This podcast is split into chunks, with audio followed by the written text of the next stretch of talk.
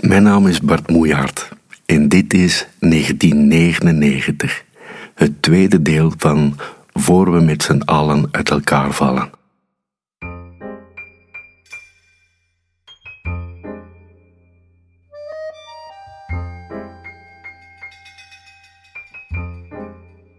Mijn lievelingsbroer zit bij de vijver. Binnen in de keuken is mijn lievelingsschoonzus aan het werk. Gaan straks iets met vis eten, iets lichts met tagliatelle. Met mijn lievelingsnichtjes ben ik aardbeien gaan halen bij een kweker vlakbij, de grootste aardbeien van de wereld. Op de terugweg hebben we met de autoradio meegezongen. Alles is goed tegen mijn postnatale depressie. Ik heb een boek over een gebroken gezin afgemaakt, over de liefde die we niet begrijpen. Mijn humeur wisselt voortdurend.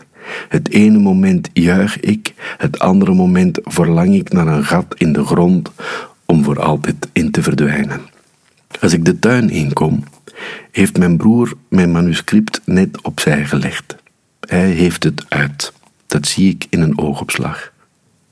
Mijn schoonzus roept vanuit de keuken of we wijn willen. Ze spreekt codetaal.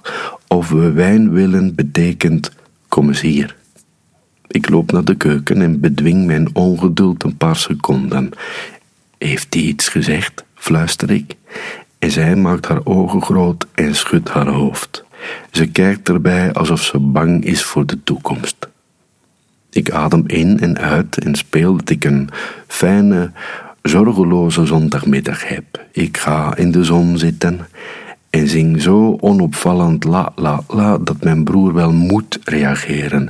Op zijn minst moet lachen of toch eens kijken naar zijn jongste broer of misschien in één keer botweg zeggen wat hij van het boek van dat jongste broertje vindt. Het deugt niet, het deugt niet en je kent me, ik houd geen blad voor de mond. Maar nee, mijn lievelingsbroer, de grootste filosoof van de familie, kijkt me van over de tafel aan en vloekt iets van acht lettergrepen en voegt er jong aan toe. Dat woord is in ons dialect een overtreffende trap van een vloek. Uit de mond van mijn broer betekent het dat ik hem iets verschrikkelijks heb aangedaan. Zijn hele reclame van Becel is naar de haaien. Zijn beeld van het leven als gezin. Met de mama en de papa en de kinderen lachend op de picknickteken. Dat hele idee van het gezin is met één boek stuk geslagen. Hoe is het mogelijk, zegt hij. En hij maakt zijn zin niet af. Wat betekent dat er geen woorden voor zijn? Hoe is het mogelijk dat zijn jongste broertje van nog geen 35 hem zijn meest wijze, meest introspectieve bloedverwant met een zelfgeschreven boek tegen de oren mept? Het eten wordt gezellig, daar niet van. Maar mijn broer en ik kunnen het niet laten op regelmatige tijdstippen naar elkaar te kijken en een bepaald scenario af te draaien. Ik haal mijn schouders op alsof ik me verontschuldig en hij moppert of zegt jong of hij mompelt een vloek van acht lettergrepen, want zo doen wij het, de broers die lievelingsbroers zijn. Later belt mijn lievelingsschoonzus me op. Ze zegt dat het allemaal goed komt. Zo treurig als mijn broer geworden is van mijn boek, hij dacht dat hij je kende maar hij heeft gemerkt dat hij zich toch in je heeft vergist. Zo blij is mijn schoonzus, die het net uit heeft. Wat ik volgens haar met het boek vertel, is bitter en moeilijk weg te slikken, maar het is wat het is.